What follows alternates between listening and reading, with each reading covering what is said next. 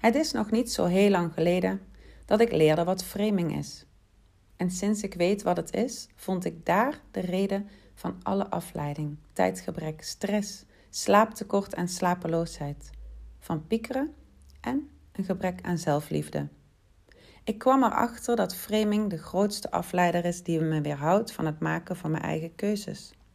Want als je niet uitkijkt, maakt het frame voor jou die keuze. Dan hoef je het namelijk niet zelf te doen. Dan hoef je niet zelf die enge stap te zetten om na te denken wat voor jou het beste is. Want je hoeft dan alleen maar in de voetsporen van een ander te lopen. In mijn zesde podcast ga ik je leren wat framing is en neem ik je mee in soms hilarische voorbeelden van situaties die ik mee heb gemaakt. Ik ben heel benieuwd of jij framing kan herkennen en hoe bewust jij hiermee omgaat. Laat het me weten in een berichtje. Dat zou ik echt super tof vinden. Framing. Ik zag het woord voorbij komen in een tekst die ik las. Omdat ik niet wist wat het was, opende ik Safari en typte in. Definitie van framing. Op Wikipedia las ik de volgende uitleg. Ik citeer. Framing of denkraam is een Engelse term die begin 21ste eeuw in het Nederlands terecht is gekomen en verwijst naar een overtuigingstechniek in communicatie. De techniek bestaat eruit woorden en beelden zo te kiezen dat daarbij impliciet een aantal aspecten van het beschrevene wordt uitgelicht. Deze uitgelichte aspecten helpen om een bepaalde lezing van het beschrevene of een mening daarover te propageren. Onder meer in de politiek, de journalistiek en de reclame wordt van framing bewust gebruik gemaakt. Wie van een frame gebruikt, probeert via woorden en de beelden en gevoelens die ze oproepen, de manier waarop anderen naar de werkelijkheid kijken te beïnvloeden. Het frame wordt een bril waardoor we bepaalde informatie wel zien en andere juist niet. Ik herhaal even die laatste zinnen. Onder meer in de politiek, de journalistiek en de reclame wordt van framing bewust gebruik gemaakt. Wie een frame gebruikt, probeert via woorden en de beelden en gevoelens die ze oproepen, de manier waarop anderen naar de werkelijkheid kijken, te beïnvloeden. Het frame wordt een bril, waardoor we bepaalde informatie wel zien en andere juist niet.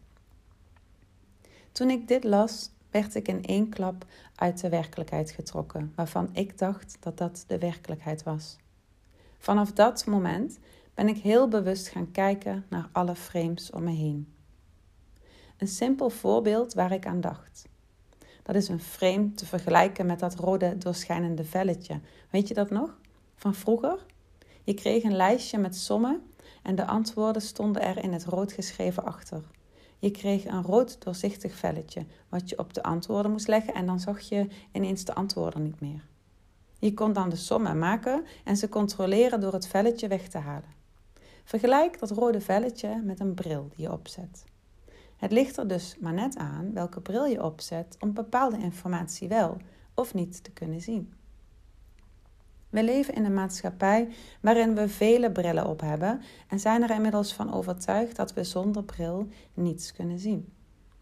We zijn ervan overtuigd geraakt dat we afhankelijk zijn van frames, brillen, omdat zij, degene die de frames maken, het toch wel beter weten. Door hen zien we wat zij willen dat wij zien. En eigenlijk vinden we het nog wel fijn ook. Fijn om gepamperd te worden. Niet alleen onze kinderen, maar ook ik en jij. En vaak heb je dit niet eens door en lijkt dat wat ik je nu vertel voor jou niet van toepassing. Maar vraag je eens af dat waar jij niet tevreden mee bent van jezelf. Komt dat doordat jij niet goed genoeg bent? Of komt dat door de verwachtingen die je hebt waaraan je niet kan voldoen? En van wie komen die verwachtingen? Van jezelf? Of ben je ervan overtuigd geraakt door je te laten verleiden om die overtuiging van een ander over te nemen? Het frame maakt een keuze voor jou, die jij zelf wellicht nooit zou kiezen, maar je eenmaal gevangen door het frame wel kiest. Waarschijnlijk omdat je nooit hebt nagedacht dat je zelf een keuze had. Laat staan dat je weet welke keuze het beste bij jou past. Weet je wat er gebeurt als jij je bewust wordt van alle frames waarin je wordt gezogen? Dan ga je zien dat je, als je daarnaar luistert, je je eigenlijk laat meevoeren met de stroom. Je bent niet meer dan een speelpoppetje van de framer. Je bewandelt het pad van de framer steeds verder weg, steeds dieper het bos in, steeds verder verwijderd van jezelf, van wat jij wilt, van jouw keuzes die jij graag wilt maken. Als je niet uitkijkt waar je loopt en je loopt zonder erbij na te denken zomaar achter anderen aan, loop je dus op de paden van anderen. Maak je dezelfde keuzes als anderen en neem je dezelfde overtuigingen van anderen over, zonder je af te vragen of ze wel passen bij jou. Het is half negen in de ochtend als ik de winkel inloop voor maandverband en een afwasborstel als ik van een supermarktdiscussie getuige ben. Als ik opmerk dat framing en zelflogisch nadenken de reden van discussie is, moet ik er eigenlijk wel een beetje om lachen. Ik vind het stiekem heerlijk om dit soort gesprekken ongegeneerd te volgen. Al een paar jaar onthoud ik me bijna geheel van het nieuws en ik merk al die hele tijd wat die rust met me doet. Zowel aan het niet blootgesteld worden van zoveel negatieve prikkels, maar eigenlijk nog wel meer van het frame dat ervoor zorgt dat nieuws zo ogenschijnlijk belangrijk, waardevol en onmisbaar wordt gebracht. Want na vijf jaar geen nieuws kijken, leef ik nog steeds, functioneer ik nog goed en voel ik me gelukkiger dan ooit. Het is normaal dat we het normaal vinden dat we iets kijken waar we totaal niet vrolijk van worden. Het wordt zo normaal gemaakt dat we gewoon niet eens meer de noodzaak voelen om er ook maar enigszins over te twijfelen of er zelf ook nog even over na te denken. Alles wordt klakkeloos overgenomen, alsof je jezelf als een USB-stick inplugt en het tv- of radioprogramma alle informatie zo downloadt en programmeert op jouw harde schijf, oftewel je brein. De werkelijkheid wordt in de vorm van een programma geprogrammeerd in jouw werkelijkheid, of is het de werkelijkheid van de programmeurs? Maar even terug naar die supermarkt. Ik was op zoek naar de afwasborstels, die ik uiteindelijk vond in dezelfde rij als het kattengrind en de hondenbrokken. Toen ik een gesprek opving waarin verontwaardiging en klakkeloosheid de boventoon voerden. Met mijn informatie over framing luisterde ik aandachtig naar het gesprek. Ik deed alsof ik geen keuze kon maken welke kleur borstel ik het mooiste vond. Zo had ik voor mezelf een reden om nog even te blijven staan luisteren naar dit jonge stel. Ze probeerden nogal luid, ze praten nogal luid en deinsden er niet voor terug om alles wat in hun opkomt hardop door de hele supermarkt te roepen.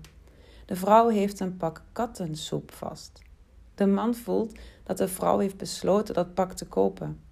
Hij voelt dat zijn liefje een frame in wordt getrokken en dat beangstigt hem een beetje. Je koopt toch geen kattensoep? zegt de man dan ook zeer verontwaardigd. Hoezo niet dan? zegt de vrouw. Kijk, alles wat ze nodig hebben zit erin. Kattensoep, doe even normaal, zegt de man. Buiten dat ik tegenwoordig de norm van normaal redelijk onstabiel vind geworden, begrijp ik de man volkomen.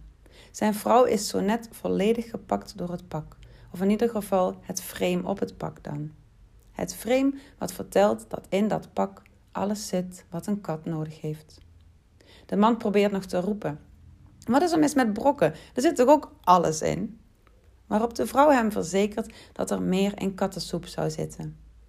Als ik me dan weer afvraag of het theoretisch wel mogelijk is dat er meer is dan alles, hoor ik de man nog net de opmerking maken. Dan moet ik het zeker ook nog voor hem opwarmen, of wat dan? Ik hou het bijna niet meer van het lachen en loop weg met mijn afwasborstel en maandverband. Voor deze keer niet meer dan dat. Even later in de rij hoor ik een zucht. Het is de man, de vrouw en de kattensoep die het gehaald heeft tot aan de kassa. En dat was het doel van de kattensoep: voorbij de poortjes van de kassa komen. Daarna doet het er niet meer toe. Een frame is maar tijdelijk, maar als hij jou heeft gevangen, kom je er niet zomaar weer uit. En dat is nu juist het verraderlijke van een frame. Kies je om er alleen naar te kijken of laat je je verleiden tot in deze situatie dan het kopen ervan? Stel je voor, je vergelijkt frames met verschillende soorten huizen. De hele dag ben je op show en bekijk je de prachtigste huizen, de mooiste meubels in die huizen en de gaafste kleuren op de muren van die huizen. Je leeft je dagen in andere woningen, slaapt je nachten in andere bedden en je eet voedsel die anderen het lekkerst vinden.